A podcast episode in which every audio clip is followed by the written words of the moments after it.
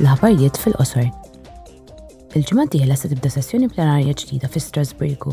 Il-Parlament Ewropew se jiddiskuti miżuri ġodda relatati mal-pakkett lesti għal mira ta' 55% il-membri tal-Parlament Ewropew se jiffukaw fuq ir-reviżjoni tas-sistema tal-Unjoni Ewropea għall-iskambju ta' kwoti tal-emissjonijiet, kif ukoll fuq il-mekkaniżmu ta' aġġustament tal-karbonju u l-Fond Soċjali għall-Azzjoni Klimatika.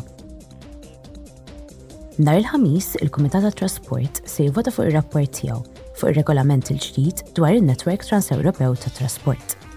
Il-korrapporteurs u x-shadow rapporteurs tal-gruppi politiċi nnegozjaw sett komprensiv ta' emendi fuq l-abbozz ta' att sħiħ. Il-Kumitat x'aktar se jiddeċiedi jekk għandux jibda negozjati interistituzzjonali fuq il-bażi tar-rapport tiegħu.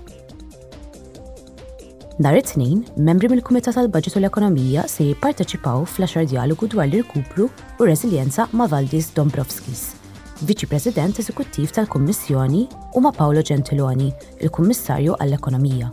Il-Kummissarji mistennija wkoll jindirizzaw kif l-integrazzjoni tar-REPower EU se żżid ir-reżiljenza tal-Istati Membri biex b'hekk tikkontribwixxi fil-mitigazzjoni tal-konsegwenzi tal-gwerra ta' aggressjoni Russa kontra l-Ukrajna.